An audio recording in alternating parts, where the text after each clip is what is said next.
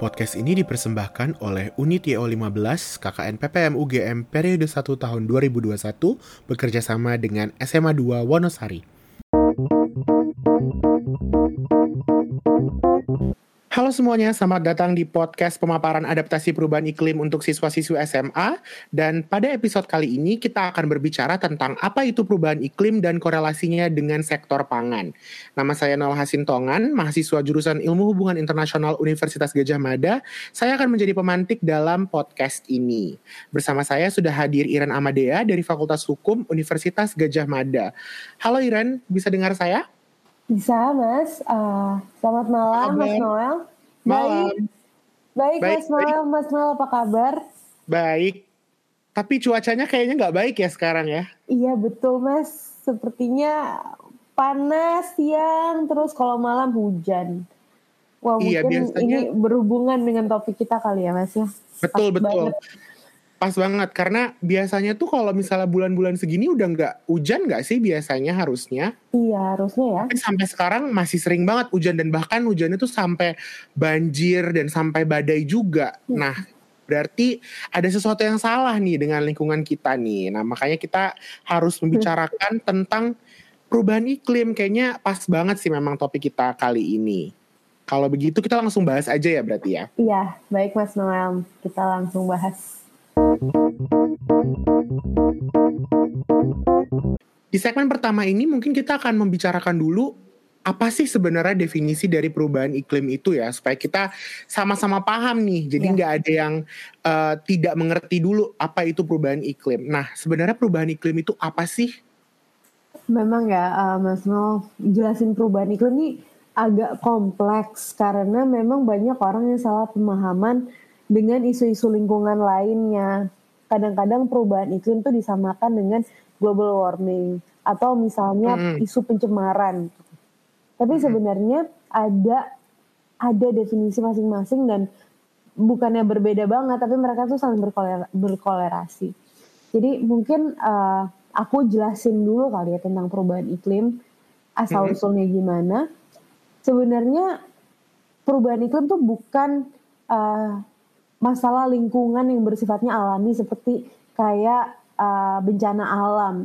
Hmm. Tapi perubahan iklim tuh lebih sering dianggap sebagai bencana antropogenik. Maksudnya antropogenik itu apa? Disebabkan dengan aktivitas manusia, Mas Noel. Jadi hmm.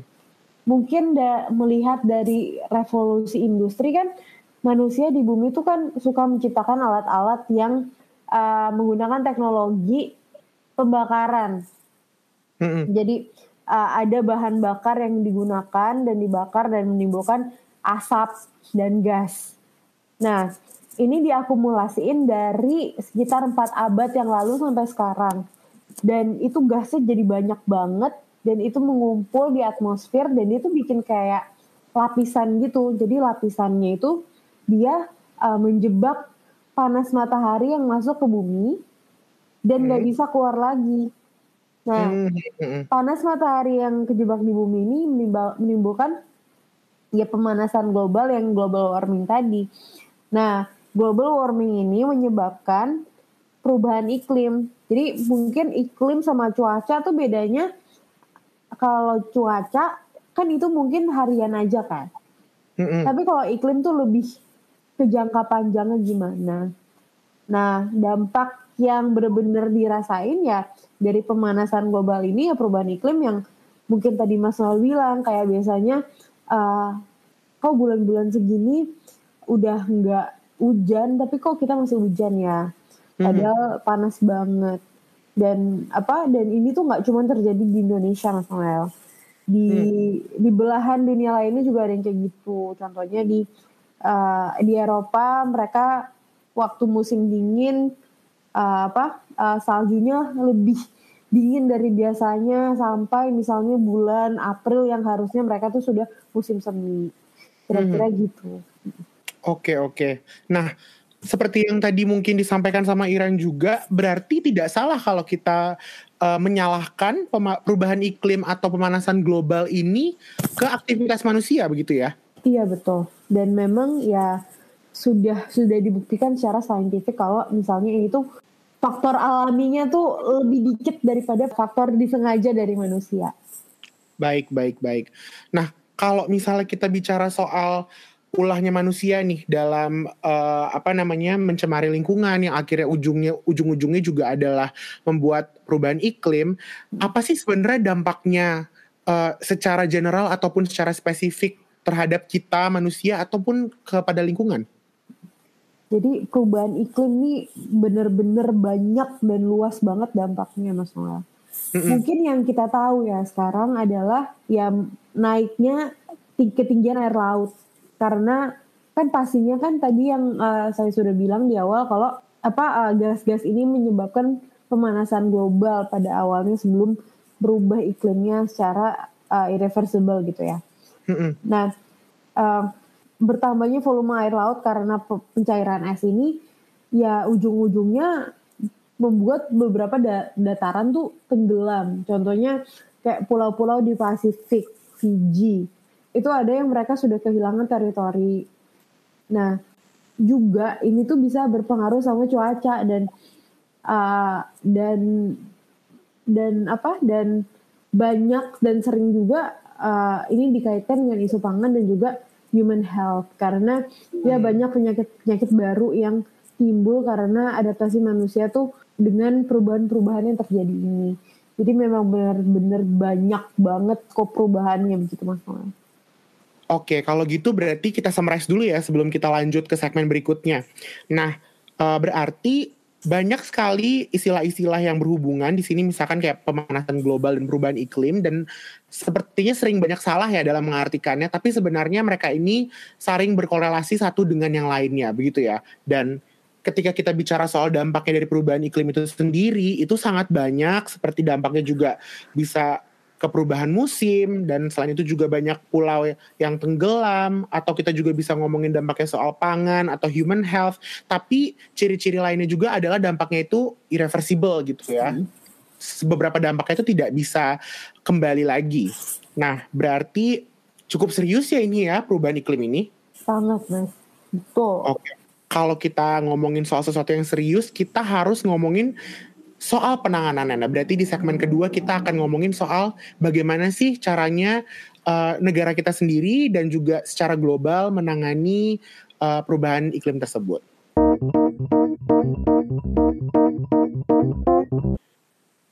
Oke, okay, tadi kita sudah membicarakan tentang apa sih sebenarnya perubahan iklim itu? Nah, karena kita sudah mencapai sebuah kesimpulan bahwa perubahan iklim ini adalah sesuatu yang sangat serius, sekarang kita harus membicarakan tentang bagaimana kita menanggulangi perubahan iklim tersebut. Nah, di segmen ini kita akan membicarakan tentang bagaimana secara global dan nanti juga kita akan membicarakan secara spesifik Indonesia menanggulangi perubahan iklim itu. Nah, mungkin kita mulai dari secara global dulu kali ya sebelum kita mengerucut nanti ke Indonesia.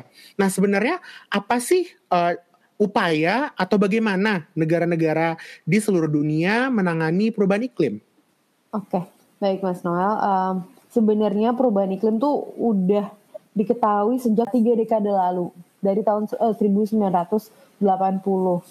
Mm -hmm. uh, dan memang sudah banyak upaya-upaya internasional yang uh, dilakukan oleh uh, eh, PBB khususnya dalam mengena, dalam uh, menangani hal ini. Tapi ya masalahnya kendalanya adalah di partisipasi dari negara-negaranya karena memang apa upaya yang paling penting dalam penanggulangan perubahan iklim adalah penurunan emisi. Sementara kita mengeluarkan emisi untuk uh, apa untuk uh, bertahan secara ekonomi kan. Kalau ngomongin tentang uh, sebuah negara Nah, um, itu itu kendalanya, tapi upaya yang dilakukan adalah melalui negosiasi-negosiasi internasional dalam suatu framework namanya UNFCCC. Itu adalah United Nations Framework Convention on Climate Change. Jadi um, itu uh, sebuah sebuah perjanjian internasional yang dikhususkan untuk menjadi wadah negosiasi negara-negara dalam membahas upaya-upaya penanggulangan perubahan iklim. Uh, nah, dalam negosiasi UNFCCC ini, kita sekarang sampai di rezim Paris Agreement. Nah, dalam Paris Agreement, upaya upaya-upaya penanganan ini secara internasional serahkan kepada kebijakan negara untuk menentukan upaya apa yang mereka mau lakukan secara nasional. Soalnya kan perlu diketahui kan nasional kayak upaya-upaya dan kapasitasnya setiap negara tuh beda-beda. Jadi nggak bisa disamain. Kalau misalnya dalam dalam dalam apa ya dalam perjanjian internasional, misalnya kalau dijatahin ya jatah yang fix itu nggak bisa soalnya karena ya memang kontur tiap negara tuh beda-beda. Jadi um, hmm. Paris Agreement tuh memutuskan untuk menyerahkan uh, apa saja upaya-upaya ini uh, di uh, di uh, domes pemerintahan domestika negara-negara yang menjadi pihak dalam uh, Paris Agreement sendiri. Oke oke. Berarti sekarang sudah ada upaya secara global yaitu menggunakan um, negosiasi internasional ya. Salah satu yeah. contohnya adalah Paris Agreement ini. Mm-hmm. Nah itu kan secara global ya. Mm-hmm. Tapi kalau misalnya secara Indonesia sendiri, apa yang sudah dilakukan untuk menangani atau bagaimana pemerintah Indonesia berupaya untuk mengurangi perubahan iklim? Ya, jadi uh, bisa ditarik. Jadi Indonesia adalah pihak dari yang saya bilang tadi wadah untuk negosiasinya yaitu UNFCCC. Dan upaya Indonesia tuh sudah di, di, di, dicerminkan dari tahun 2011 di mana Indonesia tuh membuat rencana aksi nasional gas rumah penurunan gas rumah kaca. Nah, hmm. ini itu benar-benar langkah awal Indonesia dalam uh, membuat peraturan-peraturan yang bisa menekan produksi emisi gas rumah kaca ini.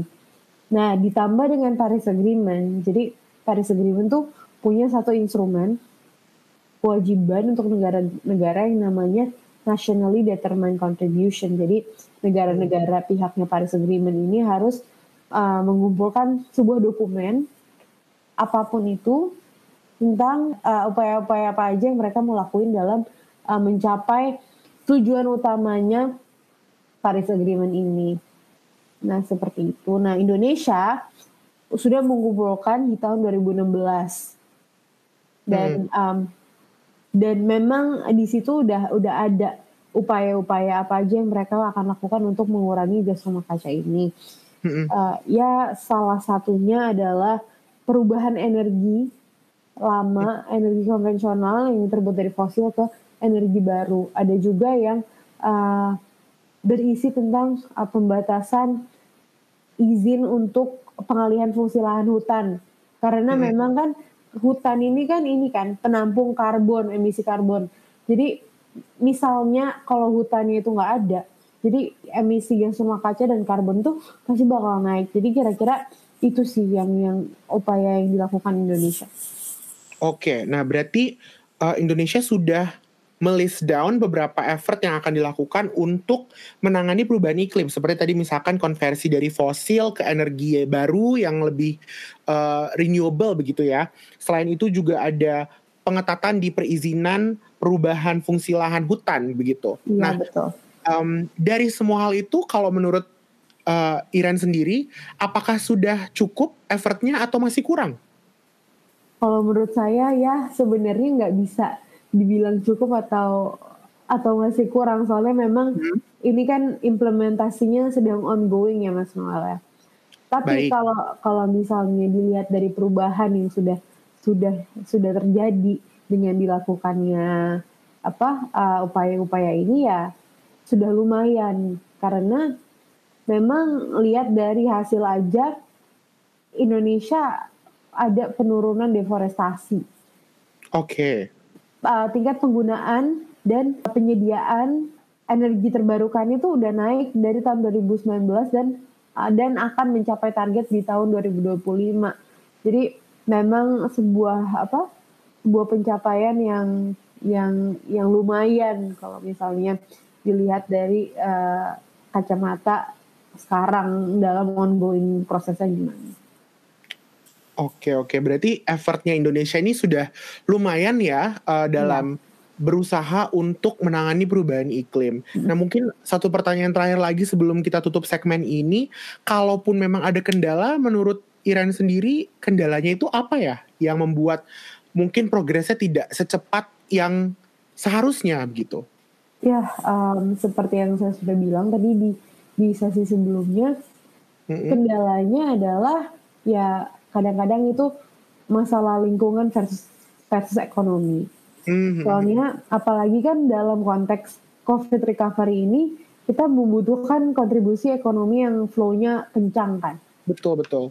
Nah apa ini tuh membutuhkan ya kegiatan industri dan juga energi yang benar-benar tinggi sementara uh, supply energi kita tuh masih masih 70% tuh ya sekitar 70% tuh masih dari dari bahan bakar fosil tadi. Mm-hmm. Nah, kalau misalnya di apa di dikencengin ekonominya, otomatis emisinya makin tinggi kan. Mm-hmm. Nah, itu sih kendalanya dan juga memang kendalanya yang lain tuh Indonesia adalah eksportir kelapa sawit yang uh, yang yang diketahui uh, secara internasional paling paling banyak gitu. Mm-hmm. Nah, kita juga punya uh, kita juga punya rencana bahwa uh, peningkatan bahan bakar nabati yang terbuat dari kelapa sawit salah satunya. Nah, kalau ini kan pembukaan lahan kelapa sawit itu kadang-kadang uh, melalui proses deforestasi. Nah, mm -hmm. bukan cuman di level ekonomi versus lingkungan, tapi di lingkungan versus lingkungan, di mana mm. kita harus mengejar target uh, target energi terbarukan yang dari bahan nabati ini dan juga kita nggak boleh banyak-banyak buat deforestasi. Jadi memang banyak sekali uh, apa tantangannya kalau dilihat dari face value. Tapi ya kita lihat kelanjutannya gimana ya. Oke, okay, oke. Okay. Nah, berarti untuk uh, mensummarize semua perbincangan kita di segmen kedua ini tentang penanganan dari perubahan iklim, kalau secara global sudah ada ya uh, frameworknya itu ada Paris Agreement yang sedang dijalankan sekarang mm-hmm. dan kalau kita lihat secara uh, spesifik ke Indonesia sudah banyak uh, peningkatan yang dilakukan oleh pemerintah Indonesia namun kendala utamanya adalah uh, perdebatan antara ekonomi dan lingkungan karena sekarang kita juga butuh kemampuan ekonomi yang meningkat karena sedang pandemi dan itu juga terkadang dapat mengganggu um, lingkungan kita juga karena ketika kita berusaha untuk recover ekonomi kita ada juga uh, penggunaan energi-energi yang masih mencemari lingkungan seperti itu ya berarti ya. Oke, kalau gitu kita lanjut ke segmen berikutnya. Nah, sekarang di segmen terakhir dari podcast kita ini kita akan berbicara tentang ancaman dari uh, hasil perubahan iklim yang terjadi di Indonesia. Nah, sebenarnya apa sih ancaman signifikan yang akan terjadi ke Indonesia kalau perubahan iklim ini terus bertambah buruk? Sebenarnya banyak juga kan, seperti yang saya bilang di sesi satu tuh, a wide range of impacts itu benar-benar ya nggak bisa dihitung jari gitu Baik. Soalnya Indonesia kan juga kan negara yang kayak multi multi counter gitu kan. Kita ada yang pegunungan, kita ada yang pesisir, kita ada yang um, pulauan gitu kan. Nah, otomatis dengan ini uh, air lautnya naik juga pasti ada dampaknya gitu kan bagi provinsi-provinsi yang kepulauan dan juga apa penduduk-penduduk di pesisir. Nah, tapi hmm. yang pasti dialamin oleh semuanya adalah sektor pangan ini. Kenapa? Karena ya perubahan iklim sama dengan perubahan cuaca dan dan cuacanya tuh nggak menentu dan ini berpengaruh sama pertumbuhan uh, produk-produk pangan gitu. Jadi ya yang pasti bakal di, dirasakan oleh semua semua orang adalah ya di sektor pangan ini. Oke oke, bisa mungkin dijelaskan lebih detail lagi apa sih yang akan terjadi di sektor pangan ini kalau misalnya terjadi perubahan iklim yang terus makin memburuk? Jadi ada dua isu yang mm -hmm. apa yang yang yang paling signifikan.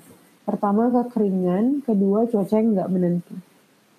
Nah ini sangat berpengaruh sama kesuburan tanah. Mm -hmm. Sangat berpengaruh sama kesuburan tanah dan juga gimana tanaman itu bakal tumbuh.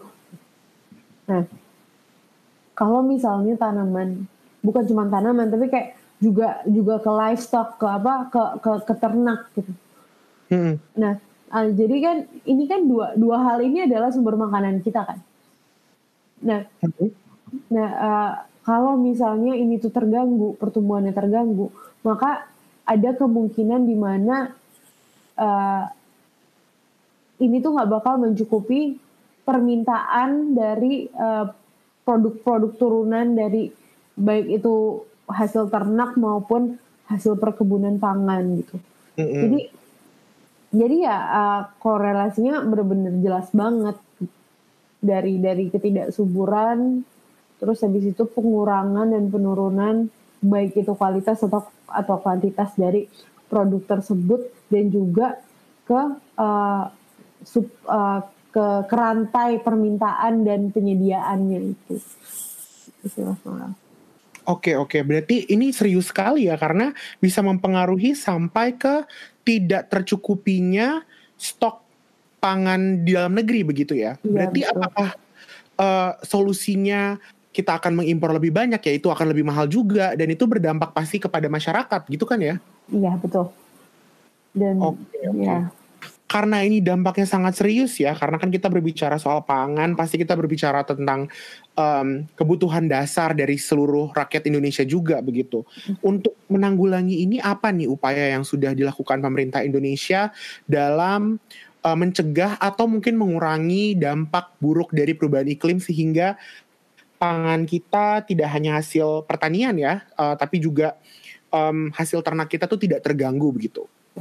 Dan jujur um, sampai saat ini ya yang solusi yang dilakukan masih impor karena hmm. memang meskipun itu memakan memakan budget negara tapi ya itu yang paling paling mudah dan paling visible untuk dilakukan dan paling cepat untuk memenuhi kebutuhan pangannya ini Mas Noel.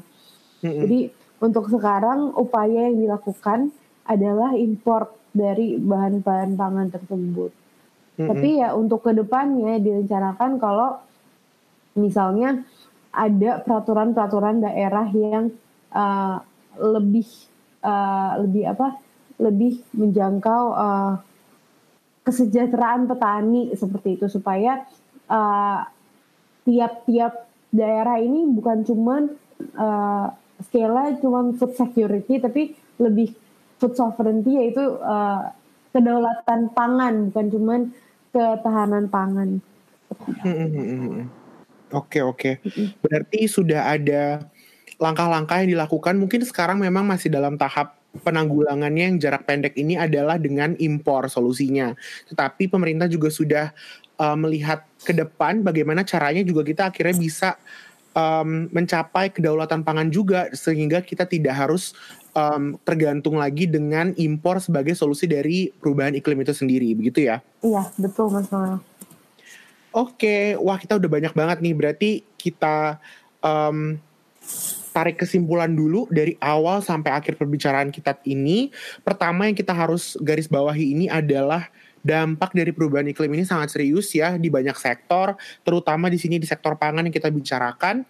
Dan meskipun uh, upaya secara global sudah dilakukan seperti misalkan yang tadi disebut adalah Paris Agreement dan dari Indonesia sendiri juga sudah ada langkah-langkah yang dilakukan untuk mengurangi atau mencegah dampak dari perubahan iklim masih ada permasalahan seperti yang akan cukup bisa muncul adalah perdebatan antara fokus ke ekonomi atau lingkungan uh, terkhususnya sekarang karena kita sedang dalam recovery ekonomi pasca pandemi. Ya, Jadi tantangannya memang di situ dan masih banyak nih ya sepertinya PR yang harus dilakukan oleh pemerintah Indonesia dan juga negara lain dalam menanggulangi dampak dari perubahan iklim. Nah, kalau begitu sekian diskusi kita hari ini. Saya Nolah. Sintongan pamit. Terima kasih untuk Iran juga sudah uh, menjadi narasumber dalam podcast ini. Sampai ketemu lagi di episode berikutnya.